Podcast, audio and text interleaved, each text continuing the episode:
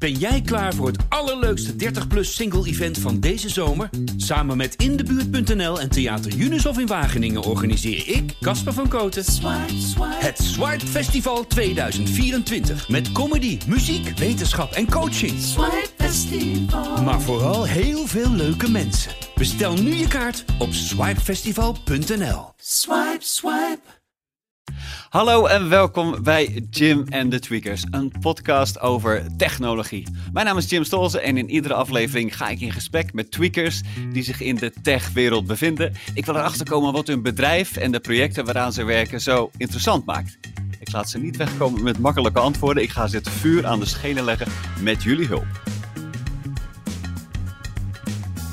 En deze podcastaflevering zitten we om tafel met de mannen van TransIP. Marco Edeman en Rory Breuk. We gaan het hebben over virtual private service. We gaan het hebben over hosting, over security. Nerd stuff, the good stuff. Maar eerst natuurlijk willen we ze een beetje beter leren kennen. Wat voor vlees we in de Tweakers uh, Kuip hebben. Laten we beginnen met Marco. Hey, hoe is het? Goed, dankjewel. Goed je te zien. Ik was hier natuurlijk aan het googlen. Ik doe mijn uh, research. En ik kwam een partij foto's tegen. Echt hele coole foto's. Jij bent, ja, nou, hobbyfotograaf wil ik niet zeggen. Dat zag er professioneel uit.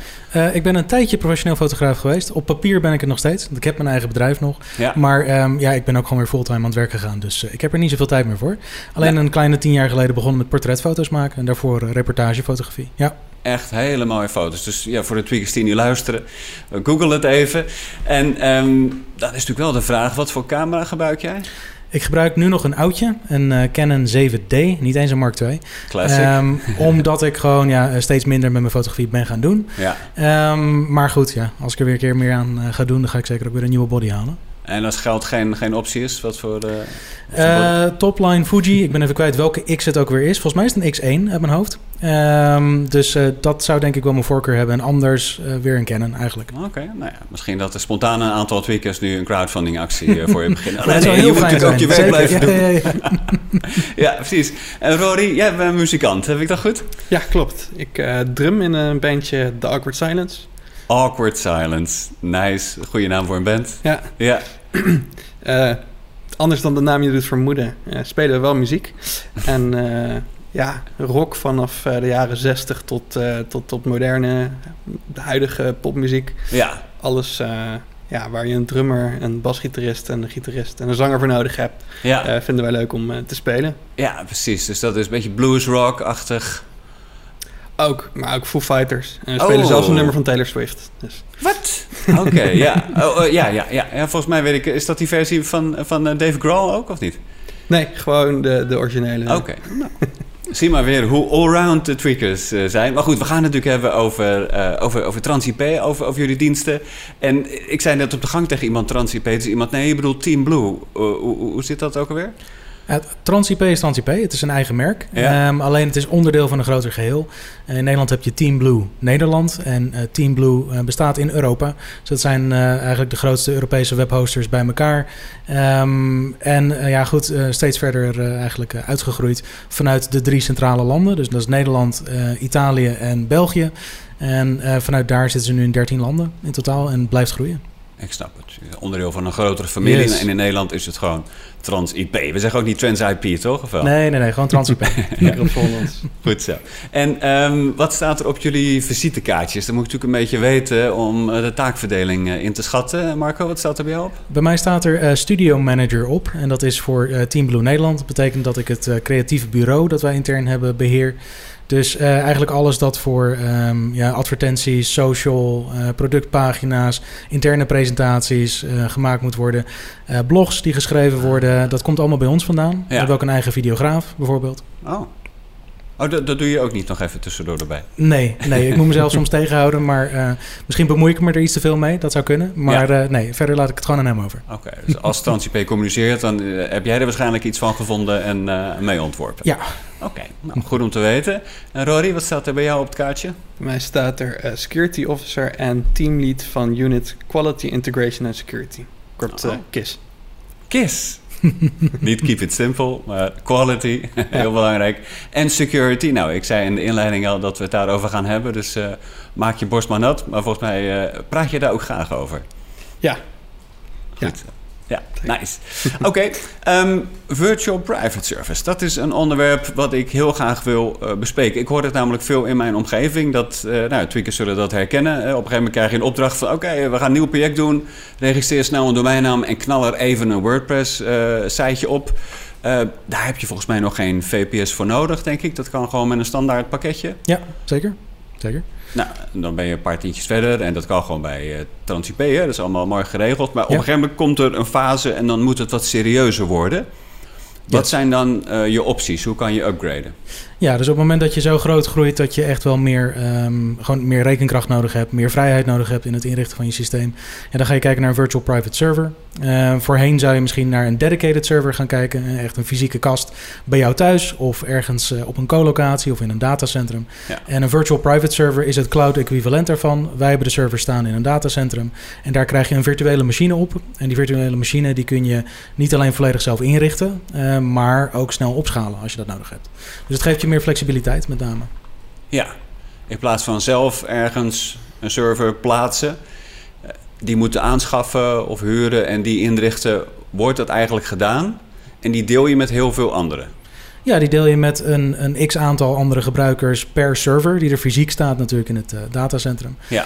En uh, ja, goed, op die manier heb je het veel meer in, uh, in eigen handen. En het scheelt ook dat je er geen extra kosten aan hebt aan bijvoorbeeld overcapaciteit wanneer je een krachtige server zelf zou neerzetten en daar maar een fractie van gebruikt. Um, ja, de kosten daar draai je dan hoe dan ook voor op. Met een VPS heb je dat niet. Juist, oké. En Rory, hoe is dat dan qua security, qua access geregeld? Want bij mijn eigen server heb ik daar zelf overzicht op. Bij een virtual private server wat minder, denk ik. Ja, zo'n VPS die draait eigenlijk op een, uh, op een hypervisor. Dat is eigenlijk een soort software wat draait op, die, uh, op, op, een enorme grote uh, fysieke server. En die zorgt ervoor dat elke VPS zijn eigen ding heeft waar die in werkt. Een sandbox kan je dat ook noemen. Oh ja. Dus eigenlijk een soort van eigen zandbak ja. waar je in bepaalt wat je wel en niet kan. Oké, okay, ook al deel je een machine, er staat wel degelijk een soort Chinese muur omheen op basis van softwareregels. Ja, precies. Oké. Okay. En uh, wat kan ik daar dan mee, Marco? Is het, kan ik er gewoon alles op hosten wat ik, uh, wat, wat, ik wil? Bijna alles, zeker. Hm. Um, je hebt heel veel kanten die je op kunt met een uh, virtual private server. Um, sowieso, wij ondersteunen zoveel mogelijk.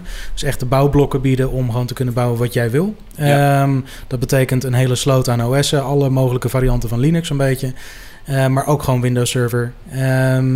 Dus ja, nee, wat dat betreft kun je er heel veel kanten mee op. Je hebt een paar dingen waar je echt dedicated hardware voor nodig hebt. Ja. Bijvoorbeeld als je een online radiostation zou willen draaien, dan heb je een vaste kloksnelheid nodig. Um, dat is dan weer iets, dat is zo specifiek. Ja, dan kun je beter een dedicated server hebben. Okay. Maar uh, voor de meeste andere dingen kun je zeker een VPS gebruiken. Een online radiostation voor tweakers. Ik schrijf dit even op. We gaan weer een crowdfunding actie doen. Oké, okay, dat, dat, is, dat is helder. Jij zegt eigenlijk, je hebt de vrijheid om hem zo in te richten als jij wil. Dus zo'n basic uh, lamp, hè? wat is dat? Linux, uh, Apache, et cetera. Met een ja. beetje PHP. Dat is gewoon... Dat is, dat is de makkelijkste versie. Ja, zeker. Um, je kunt ook gewoon een, een simpele Ubuntu uh, uh, OS draaien met daarop alleen maar wat, wat code voor je, je eigen VPN-verbinding. Um, ja. Of je kunt er een volledige installatie van maken. Dat ja. wat je wil. Ja. En dan, nou, Rory, stel je voor dat ik dat inderdaad heb gedaan. En ik heb dan een tijdje geleden al een PHP geïnstalleerd en die moet geupgrade worden. doen jullie dat dan voor mij? Nee, dat moet je dus zelf gaan doen. Daar ben je zelf verantwoordelijk voor. Want wij uh, ja, zorgen er eigenlijk ook voor dat wij niet op die server kunnen. Jij bent de enige persoon... Oh, je zou het nog ineens kunnen? Nee. Mm. Dus uh, jij, jij stelt hem helemaal in. Ja. En heb je eigen omgeving op onze hypervisors. En daar kunnen wij in principe niks, uh, niks aan veranderen voor jou. Precies, ja. Net als bij die oude situatie waarbij ik mijn eigen server had, dan kan ik ook niet zomaar een, een derde partij, nou dat is niet echt een derde partij, maar iemand anders vragen om iets van mij te doen. Je bent er dus zelf, je hebt de vrijheid om te ontwikkelen, maar ook ja. zelf de verantwoordelijkheid om dat professioneel aan te pakken. Ja. ja. Oké. Okay. En um, wat zijn nog meer uh, installaties die ik daarop kan doen, Marco? Wat, wat, wat, wat, uh, wat kom je zo al tegen? Nou ja, je kunt natuurlijk ook um, een, een, tussenpartij uh, worden waarbij je websites voor andere host met ook beheersoftware. Je kunt Plesk uiteraard ook gewoon installeren. cPanel hebben we pakketten voor. Dus wat dat betreft, je kunt er heel veel verschillende kanten mee uit. Ja, ja oké, okay. overzichtelijk. En um, je zei het schaalt op. Dus dat wil zeggen, stel je voor dat ik inderdaad van dat standaard web, webhosting pakketje naar VPS ga. Dan kan het zijn dat het heel succesvol wordt. En ik dan nou zoveel traffic uh, heb en zoveel wensen. Moet ik dan nog alsnog overstappen naar een eigen server? Of zeg je nee, dat schalen, dat uh, je kan Nee, dat kun je dus heel makkelijk bij ons opschalen. Je kunt het zelfs geautomatiseerd doen als je wil. Via de API. Ja. Um, maar je kunt inderdaad extra cores toevoegen, extra VPS'en bestellen om met load balancers ook um, het uh, inkomende verkeer te verdelen. Er zijn een heleboel manieren om dat snel uh, op te schalen. Ja. ja. En uh, quanta costa? wat is de, het begint al vanaf 10 euro ex-BTW per maand. Dan heb je zoals ik een, een VPS waar je VPN-verbinding op draait in je Pi-hole en dat soort dingen. Ja. Um, en ja goed, je kunt het zo gek maken als je zelf wil. Oké, dus als ik meerdere klanten heb, meerdere uh, domeinnamen heb, dan kan ik inderdaad voor een paar tientjes per maand kan ik al zoiets bij jullie draaien. Ja, oké. Okay. Mooi. Um, ik denk dat we nu een aardig beeld hebben van wat een, uh, wat een VPS is. En ik kan me ook voorstellen dat uh, de andere tweakers nu al wat, wat vragen over, uh, over data, over privacy, over security. Dus die gaan we behandelen. Eerst nog even de actualiteit. Hoe kut was vorige week? ja. Niet, niet best, ja. Ja, oh ja, dit is natuurlijk een podcast, dus ik mag niet zeggen vorige week. Maar er was een DDoS-attack. Uh, uh, even, even de korte versie. Uh, wat is er gebeurd? Um, ja, we zijn ehm, op een maandagmiddag werden we aangevallen. merkten we op een gegeven moment dat voornamelijk van Ziggo-gebruikers niet meer op onze servers konden of op servers van onze klanten. Ja. Uh, dat bleek dat daar uh, een detectie heeft plaatsgevonden dat er een aanval was. En uh, die hebben ze toen, dat noem je blackholen, dus gezorgd dat het verkeer nergens meer heen ging wat naar ons, voor ons bedoeld was. Ja. Dus daar begon het mee. En vervolgens zagen we dat we eigenlijk over het hele netwerk een aanval steeds sterker begon te worden. En waardoor bijvoorbeeld ook onze nameservers last begonnen te krijgen van, van de aanval. Ja. Um, ja, daar hebben we zeker onze technische collega's uh, behoorlijk wat uh, werk aan gehad om, om dat op te lossen. Ja, en Marco, ik denk ook de communicatiecollega's. ja, ja, zeker. zeker. En, um, wat, wat, wat, wat gebeurt er dan bij jullie? Want het is natuurlijk eerst even blinde paniek en dan? Dan komen allerlei scripts, uh, gaan die, treden die in werking? Um, niet zozeer scripts, wel een beetje een vaste procedure, maar uh, het, begint bij de techniek. Dus het is ook, uh, kijk, het moet eerst opgelost worden en meteen communicatie uitgaan naar uh, ja, getroffen partijen en dergelijke. Dus dat wordt allemaal via een separate site buiten ons netwerk ook gecommuniceerd, Transnoc. Um, daar kunnen we updates posten, ook als de rest plat ligt. Mm. En nou, daar begint het. Vervolgens natuurlijk uh, ja, wordt eerst alle energie gericht op het verhelpen van het probleem. Ja. En daarna wordt er meteen een postmortem opgesteld, die we ook gepubliceerd hebben. Uh, zo snel mogelijk. Dus wat dat betreft, daar zit een heel net communicatietraject in. En dat wordt geleid vanuit de techniek. En vervolgens, uh, ja goed, vanuit mijn, mijn kant wordt er hooguit naar gekeken waar het geplaatst moet worden en in welke vormen misschien nog meer. Ja. We hebben het ook als blog nog eens geplaatst naast de reguliere postmortem om ook de minder technische mensen uh, op de hoogte te kunnen brengen van de situatie, hoe het ongeveer verlopen is en wat we gedaan hebben. Uh, en wat we in de toekomst gaan doen ook. Dat is ja. ook heel belangrijk. De ja. transparantie is heel belangrijk voor ons. Ja, ja. ja dus voor mij als, als leek is het nog steeds eigenlijk niet te geloven dat er nog steeds DDoS-attacks dat dat plaatsvinden. Er is, er is blijkbaar heel weinig tegen te doen. Het, uh, ja, dat, dat klopt inderdaad. Ehm, het is altijd een beetje een kat-en-muisspel. op een gegeven moment is gewoon de, de hoeveelheid bandbreedte uh, of, of wat je servers aankunnen, is gewoon vol. Ja. Uh, en dan kan je wel steeds meer uh, bandbreedte proberen te, te, te, te kopen en steeds grotere servers neerzetten. Maar die aanvallen worden ook steeds groter. Hmm. Um, dus ja, op dat moment moet je ook een beetje een overweging maken. wat, wat je nog kan doen. Ja. ja. Okay, nou goed, dit is geen podcast over DDoS-attacks, maar ik wou toch even weten hoe dat Fair dan bij jullie, ja. bij jullie speelt. Uh, gaan we het nu hebben over, ik denk over data, over, uh, over, over privacy. Want dat is natuurlijk het hot topic. Als je tegenwoordig in een gesprek, maakt niet uit met wie het woord data noemt, beginnen mensen al moeilijk te kijken en te fronsen. Um, laten we eens beginnen bij uh, het, het simpelste. Als ik bij jullie host um, en ik gebruik bijvoorbeeld een database server, waar staat die dan? In Nederland. Uh, in een van onze datacenters. En dat is een belangrijk uh, feit, om, simpelweg omdat de, de wetgeving die er dan op van toepassing is, uh, die is beter dan die buiten de Europese Unie, dan die in Amerika bijvoorbeeld. Ja. En ook binnen Europa heb je daar verschil in. In Noordwest-Europa zijn we er net iets strenger in. Zwitserland is ook nog wel een goed voorbeeld. Maar er zijn ook genoeg landen die daar wat lakser mee omgaan. Dus dat het in Nederland staat is een, is een pluspunt, zeker. Dat is een plus, omdat je daarmee voldoet aan de strengste voorwaarden op het gebied van... is dat compliancy, denk ik? Of uh, ja, ook compliancy. En het is ook uh, de, de, precedenten die bijvoorbeeld gezet zijn, ook in uh, ja, hoe er door ehm, de wet mee omgegaan is. wanneer er bepaalde datalekken plaatsvinden. Natuurlijk moet ik hier voorzichtig zijn. We hebben net ook een heel leuk incident met de GGD gehad.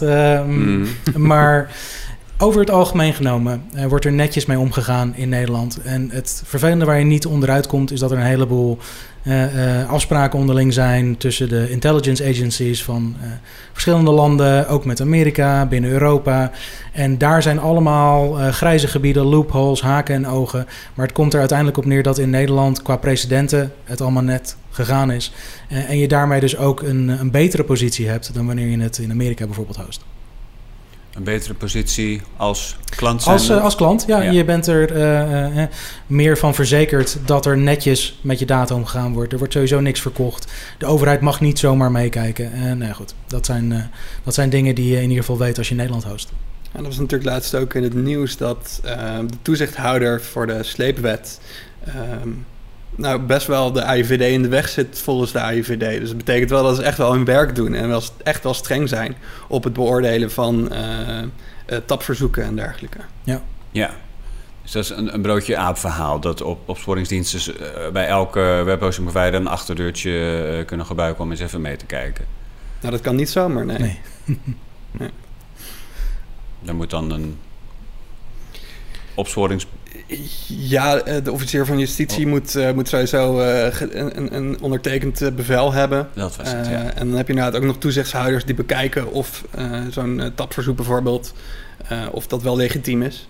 Ja. En anders worden ze ook op hun vingers getikt. En volgens mij mag je dan ook inderdaad die bewijsvoering niet gebruiken in, in je onderzoek. Ja. ja. En waarom, denk u, waarom is dat belangrijk überhaupt, die, die bewustwording op het gebied van, van privacy? Um, en nu, nu spreek ik als, zeg maar, ikzelf de, de, de, de privacy um, uh, voorvechter tot op zekere hoogte. Gek, terwijl je in marketing zit, I know. Um, maar ik ben eigenlijk een paar jaar geleden van bewust geworden van nou, hoeveel data je eigenlijk deelt. Ken ook een aantal privacy voorvechters en ben vanuit daar steeds meer eigen onderzoek gaan doen. Dat je er eigenlijk op neerkomt, uh, het komt erop neer dat je niet blind kunt vertrouwen op regelgeving. Je kunt niet blind vertrouwen op uh, wat een gemiddeld bedrijf belooft zonder daar concrete, uh, concreet bewijs van te uh, bieden. dus die bewustwording als consument van hoe je met je data omgaat, wat je deelt en welke garanties je überhaupt hebt, is belangrijk. En um, dat leeft binnen TransIP ook heel sterk. Ik ben daar ook heel blij om dat ik dat uh, ja, zo gemerkt heb, ook binnen het bedrijf. Je ziet als er dingen voorbij komen die, uh, die mogelijk impact hebben op de data van de klanten, dat dat idee eerst door een heel lang proces van ja, toch wel discussies moet gaan intern, voordat het een keer goedgekeurd wordt in een vorm die we acceptabel vinden met z'n allen. En dat is heel fijn dat dat überhaupt zo leeft. Want dat maakt het ook veel makkelijker om daar transparant in te zijn naar je klanten toe. En het ook echt uh, niet alleen um, ja, om het uit te dragen, om het te leven eigenlijk. Ja. Wat denk ik ook heel belangrijk is, is data die er niet is. Die kan ook niet uitlekken, daar kan niks mee gebeuren. Zodra ja. het wel ergens is opgeslagen buiten jouw controle, weet je eigenlijk niet meer wat er, wat er mee gebeurt. Uh, anders dan uh, puur op vertrouwen gebaseerd. Ja. Hmm. En dan gaan we dus ook een beetje uit van uh, de rol van de consument, of eigenlijk hoe kwetsbaar uh, de, de, consument is. Voor mij als, uh, als zakelijke partij, als ik, als ik bij jullie host, zijn er dan ook nog bepaalde dingen waar ik me aan moet conformeren? Moet ik beloven dat ik me netjes gedraag en, en, en dat soort zaken? Uh, nou ja, dat ben je tot op zekere hoogte voor de wet natuurlijk verplicht. Mm -hmm. um, dus uh, wij zullen je daar niet. Um, kijk, omdat wij dus ook niet op de servers van onze klanten uh, rondneuzen, weten we ook niet of je dat doet. wij kunnen er hoog uit van op de hoogte gebracht worden door inderdaad justitie als er ergens iets mis is. Um, maar het is in principe net als met het onderhouden van je eigen omgeving je eigen verantwoordelijkheid, ook als zakelijke klant. Ja. ja. Maar uiteindelijk als je bijvoorbeeld uh, illegaal materiaal verspreidt... dan krijgen we op een gegeven moment wel een brief van, van de politie...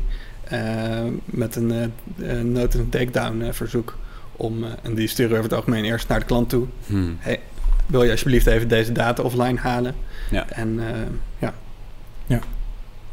Dus als ik jullie goed beluister, is de, de zaken doen met een Amerikaanse cloud hosting partij. Dus dat de server daar staat, is uh, minder prettig. Je wil hem eigenlijk in Europa en dan specifiek Nederland.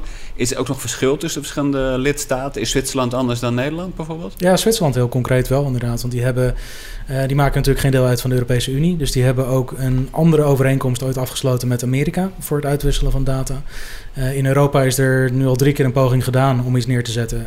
Privacy Shield zal waarschijnlijk wel mensen wat zeggen. Um, alleen dat is nog steeds kapot, uh, omdat er iedere keer weer na een paar jaar een uh, uitspraak van het Europees gerechtshof komt dat het toch niet deugt. En um, ja, Zwitserland heeft een eigen variant daarvan in het leven geroepen met Amerika. Die is ook vrij streng. En je ziet ook dat sommige partijen, en nu noem ik een Quad 9, zal misschien sommige mensen wat zeggen, um, is een DNS-partij. Die heeft uh, niet lang geleden zijn hoofdkantoor verhuisd naar Zwitserland. Om beter te kunnen voldoen aan, aan de voorwaarden die ze ook aan zichzelf stellen. Dus uh, nee, wat dat betreft, er is zeker onderscheid. Ja. ja. En hoe is dat bij jullie intern, de, de, de cultuur als het gaat over dit soort onderwerpen? Want ik merk, Marco, bij jou zit er ook een soort. Dit wel een bepaalde passie over, ja, ja, over, over dit onderwerp. Is dat breed gedragen binnen TransIP? Ja, zeker wel, zeker wel. In iedere groep die je in een meeting neer zult zetten over iets dat met data te maken heeft, zal er minstens één persoon zijn die er zo sterk over denkt. ja, dat is wel heel herkenbaar inderdaad. Ja. Dat proberen we ook vanuit uh, ons team bijvoorbeeld heel erg te promoten. Dat we eigenlijk in alle teams wel, uh, ja, hoe zeg je dat, security ambassadeurs eigenlijk neerzet. Mensen die je echt meeneemt in het security verhaal van, uh, nou eigenlijk team, heel Team Blue Nederland. dat we er echt een beetje een bepaalde mindset proberen te, te planten eigenlijk in de hele organisatie. Die noem je champions, uh, begrepen. Ja, ja, klopt. Dat zijn inderdaad onze security champions. Hoe word ik security champion bij TransIP? Over het algemeen moet je beginnen bij gewoon uh, een van de ja, technische teams meestal. Maar bij uh, marketing is bijvoorbeeld Marco ook uh, onze, onze champion. Ja. En als wij merken vanuit security dat jij regelmatig mengt in security discussies... op onze interne chat bijvoorbeeld... of ja, gewoon een bepaalde interesse toont... en dan vragen we je eigenlijk om, om het programma te joinen... En ja, eh, mag je meedoen. En uh, ja, dat, dan proberen we bijvoorbeeld een training in hoe, uh, hoe breek je een website, hoe hack je een website oh. te, te, geven. Ja. Of risicoanalyses uitvoeren. Maar ook bijvoorbeeld dan bij, een, bij het in gebruik nemen van nieuwe, nieuwe software. Die eventueel implicaties kan hebben op gebied van privacy en security. Dat we eens mee laten kijken. En gewoon gezamenlijk kijken naar wat zijn die risico's dan van, zo'n, van het gebruik van dit soort software. Ja. En daar ook requirements uit komen. Cool. En Marco, ik zit dus aan tafel nu met een security champion van het marketing automation team. Hoe voelt dat? Nee, nee, nee, nee neem ons eens mee naar die wereld. Wat, wat, wat, wat, wat is daar een voorbeeld van?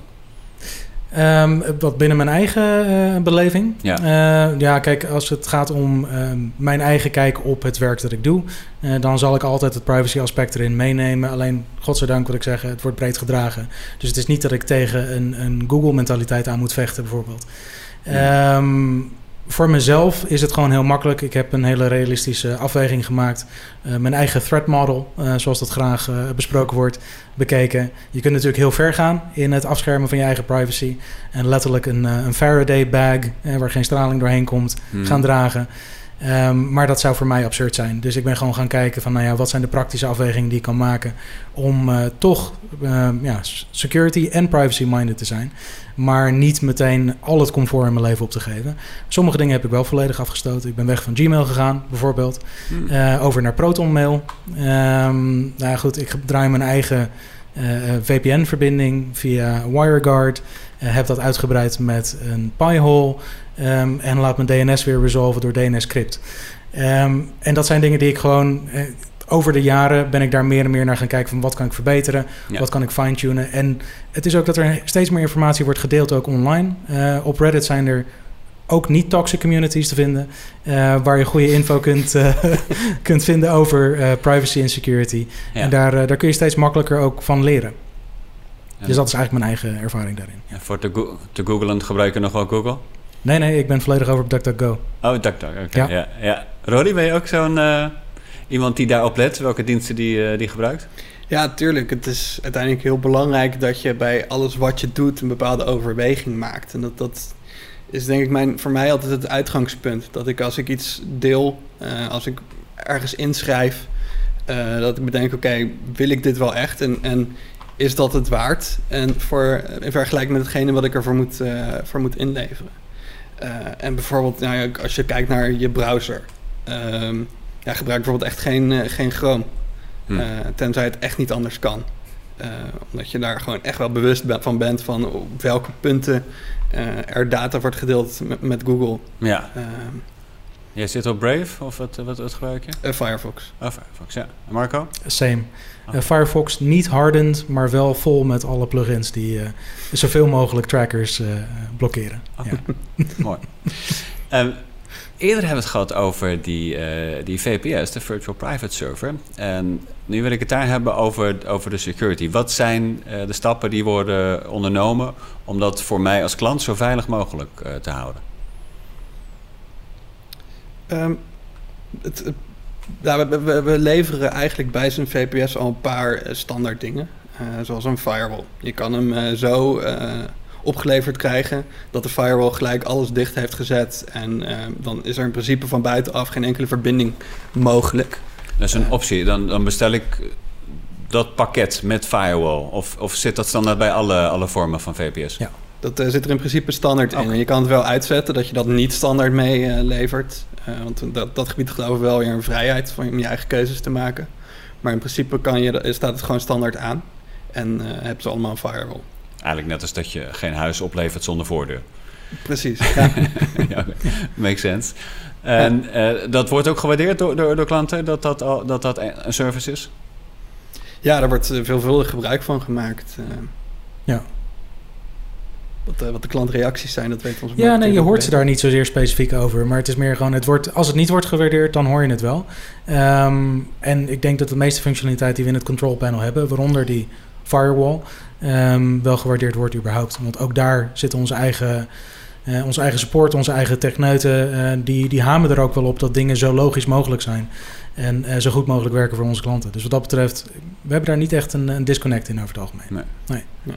Nog iets anders is bijvoorbeeld dat je een, uh, een configuratie eigenlijk kan maken vooraf dat zo'n uh, uh, systeem wordt opgeleverd. Dan kan je bijvoorbeeld je keys vast erin zetten om, om in te loggen op je systeem. Ja. waardoor je nooit met een wachtwoord of iets dergelijks hoeft, hmm. hoeft te in te stellen. Dat gaat dan allemaal automatisch. En dan heb je eigenlijk al standaard een redelijk veilige configuratie in je systeem staan. Ja. ja. En hoe gaan jullie om met uh, risicomanagement? Um, Doe jullie zelf pentesten of zo, of andere, andere fratsen? Ja, uh, zelf kom ik ook uit, uit de, de pentestwereld voordat ik bij uh, TransIP ooit uh, begon, vijf jaar geleden. En ehm, ja, we doen intern natuurlijk security testing, maar we doen bijvoorbeeld ook externe tests laten uitvoeren.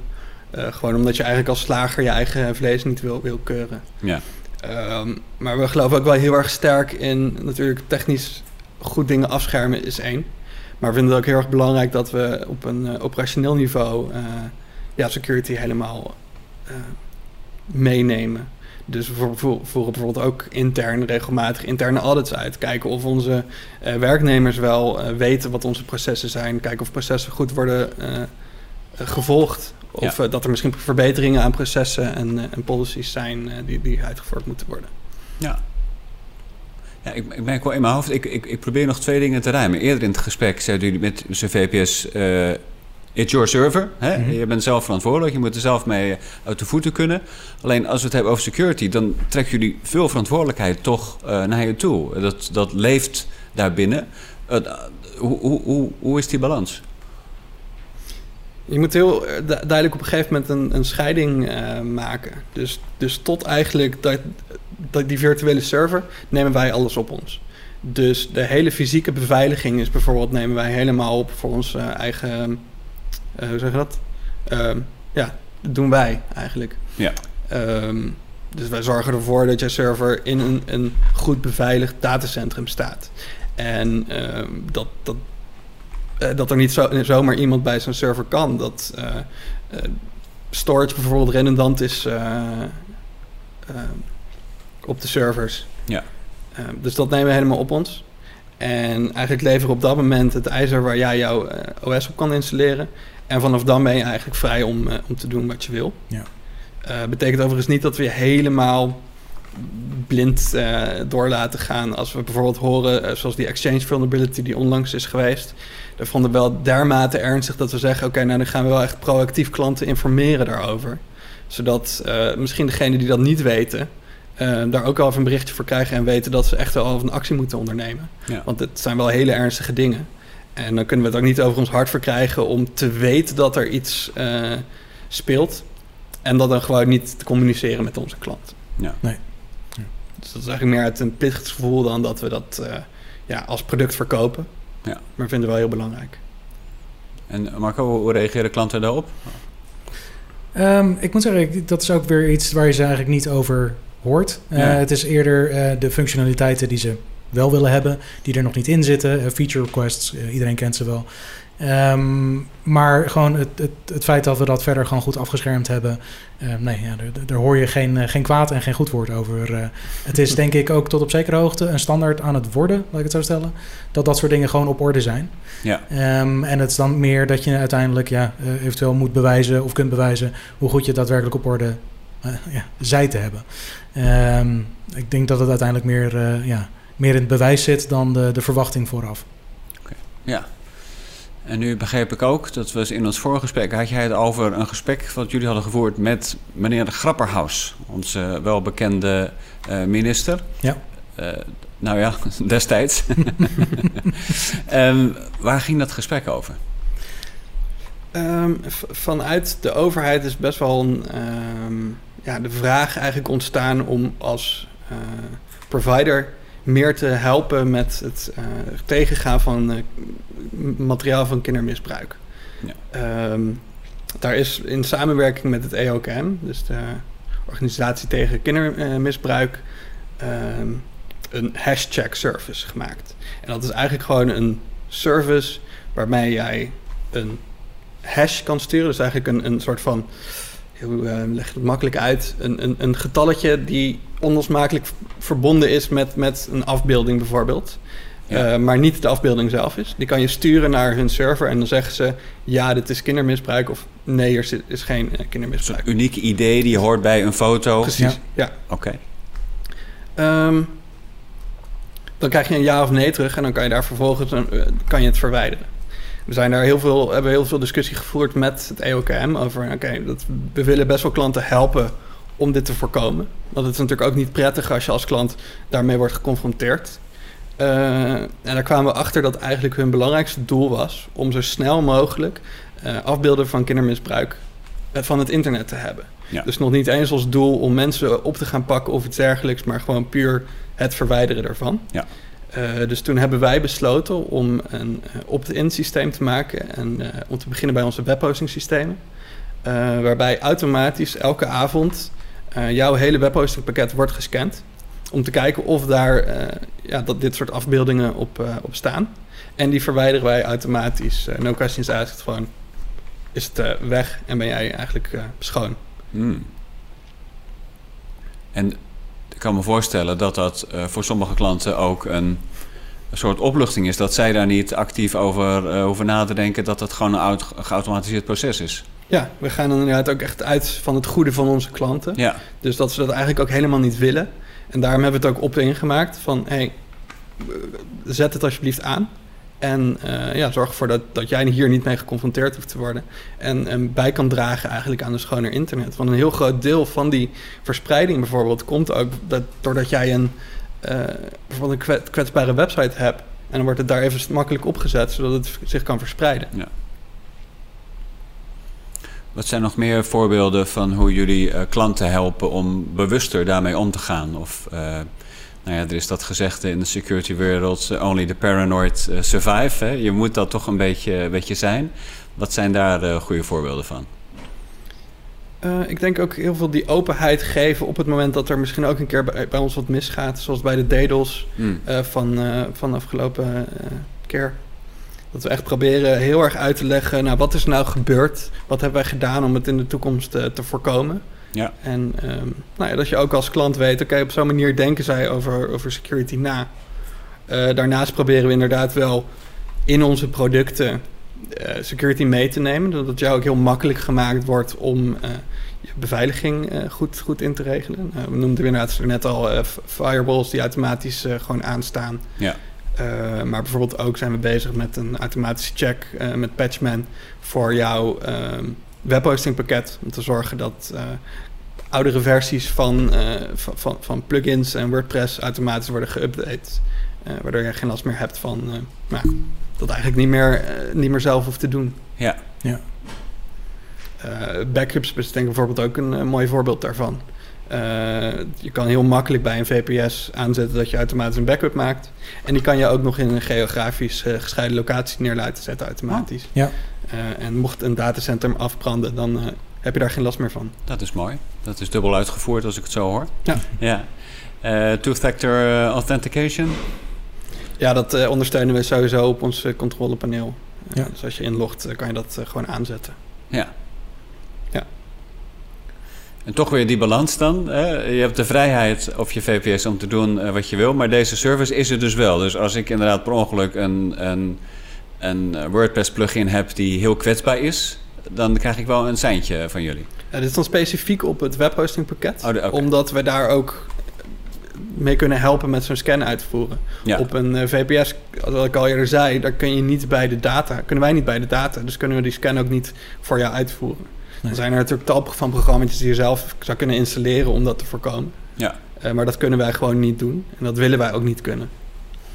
Nee, bij webhosting kun je inderdaad standaard tools leveren. Uh, die je extra kunt gebruiken om dit soort dingen. om je security te verbeteren. Maar inderdaad, wat, uh, wat Rory zegt, op een VPS weten we niet wat erop staat. Je hebt volledige vrijheid om het zelf in te richten. En kun je dus ook zelf dit soort dingen installeren en Ja. gebruiken. Ja. Oké. Okay. We zijn bijna aan het einde gekomen van, uh, van deze podcastaflevering. Ik wil nog wel een beetje naar de toekomst uh, kijken. Zijn jullie optimistisch of kunnen jullie wat hoopgevende woorden spreken op dat vlak? Ik, uh, ik denk als het om privacy gaat, ben ik optimistisch. Um, ik heb ook het, het idee dat men iets meer privacy-minded wordt. Ook al is het misschien voor sommigen een wat langzamer proces dan voor anderen. Um, als je ook kijkt Tuurlijk, de pandemie heeft niet geholpen. Um, wat betreft uh, ja, gewoon uh, quality of life. Mm. Alleen tegelijkertijd zijn een heleboel mensen wel meer naar de kleine dingen gaan kijken. En ook um, de dingen die ze thuis doen, de dingen die ze thuis gebruiken, hun telefoons, hun laptops, uh, et cetera. Um, welke data er gedeeld wordt. Datalekken zijn serieuzer genomen over het algemeen. En je ziet dat dus ook het gebruik van alternatieve social media ook toegenomen is. Netwerken die uh, tot uh, voor vorig jaar bijna doodverklaard waren. Zoals uh, Ello, geloof ik. Um, mm. Die hebben een diaspora. Die hebben weer een toename gezien van gebruikers. En, en, dat zijn bemoedigende ontwikkelingen. Um, ik denk ook dat de hoeveelheid data die gedeeld wordt, de hoeveelheid voorvechters die er zijn voor zowel privacy als security, groeit. Um, en dat is ook gewoon heel fijn om, uh, om te zien, want dat maakt het voor iedereen makkelijker om, uh, om zichzelf te kunnen educaten en daar naar te kunnen handelen. Dus in dat opzicht ben ik absoluut positief. Voor de rest moeten we het zien. Ja, ik denk ook dat de media-aandacht wordt steeds groter voor privacy. Er zijn niet zozeer ineens veel meer uh, datalekken. Maar je hoort er wel steeds meer over. En dat komt ook omdat er gewoon ja, best wel wat mensen zijn in de media die, die, die hier achteraan zitten. Neem een uh, Daniel Verlaan, die tegenwoordig best wel vaak te zien is op, uh, op, op televisie. Ja, ja dat, dat zijn wel mensen die ja, echt, echt het op de kaart zetten, security en privacy. Ja. Het wordt geagendeerd. Ja. Mensen uh, praten erover. Er zijn gelukkig ook goede voorbeelden van jullie. Hè? Hoe, je, hoe je zaken op kan, uh, kan pakken. dat stemt me ook wel een beetje optimistisch dat jullie zo, zo naar de toekomst kijken. ik hoop ook nu dat de trickers die luisteren... dat ze inderdaad wat beter beeld hebben bij wat VPS is. Wanneer je het wel zou doen, wanneer je het misschien niet nodig hebt. En hoe jullie nou, eigenlijk je eigen producten eigenlijk ontwerpen... volgens mij alsof je ze zelf zou willen gebruiken. Dat is uh, mijn takeaway Ja. uh, van dit gesprek. Als mensen meer informatie willen, Marco, waar kunnen ze dan uh, terecht? Uh, dan kunnen ze naar transip.nl. Um, daar hebben we ook een knowledge base. Dat zit gewoon in de navigatie. En die knowledge base is specifiek over het gebruik van de verschillende producten. Maar ik denk dat zeker voor de techies onder ons het interessant is om te kijken, oké, wat wordt er allemaal gecoverd? Want dat is heel uitgebreid. Ja. en dan zie je dus ook een heleboel van de praktische voorbeelden die we net hebben gegeven, nog veel meer. Van, uh, van installatie-instructies tot uh, omschrijvingen van bepaalde setups. Uh, zoals een lamp setup bijvoorbeeld ook. Um, ik denk dat dat een goed beeld geeft samen met, met de rest van de site, eerlijk gezegd. Super vet. Rory, jij ook nog een mooie bron of een link waar we naartoe moeten? Zo ja, ik, ik, ik ben vrij actief. nou, niet zelf, ik zie het zelf nooit. Maar ik, ik, ik volg wel heel veel security twitteraars. Dat vind ik meestal een hele interessante bron, omdat je ook vaak vrij snel dicht bij een bron zit voor um, nieuwe kwetsbaarheden of zo. Uh, ja, hackernieuws, ook altijd een goede. Tweakers, uiteraard, moet ik even noemen. Oké, okay, dankjewel. En eh, Rory, het laatste woord voor jou. Heb jij misschien nog wat praktische tips voor onze luisteraars? Ja, als ik drie dingen zou moeten noemen, bijvoorbeeld om, uh, om veilig te zijn, dan zou ik ten eerste zeggen: uh, zorg ervoor dat je sterke authenticatie gebruikt. Dus gebruik gewoon unieke sterke wachtwoorden voor alles. 2FA als dat uh, mogelijk is. Ten tweede zorg ervoor dat je altijd up-to-date bent. Dus geen security updates overslaan. En ten derde zet alles uit wat je niet nodig hebt. Dus firewalls dicht, geen nutteloze plugins aanzetten. gewoon minimaal. Oké, lekker. Lekker praktisch. Daar kunnen we wat mee. Dankjewel jongens dat jullie de tijd hebben vrijgemaakt om hierover te praten. En Rory, ik hoop eigenlijk dat over een tijdje dat we jou live met je band in actie kunnen zien. Ik kom kijken. Marco maakt de foto's en de tweakers die uh, zullen applaudisseren. Dank en jij bedankt voor het luisteren slash kijken. En ik hoop je te zien bij de volgende podcast.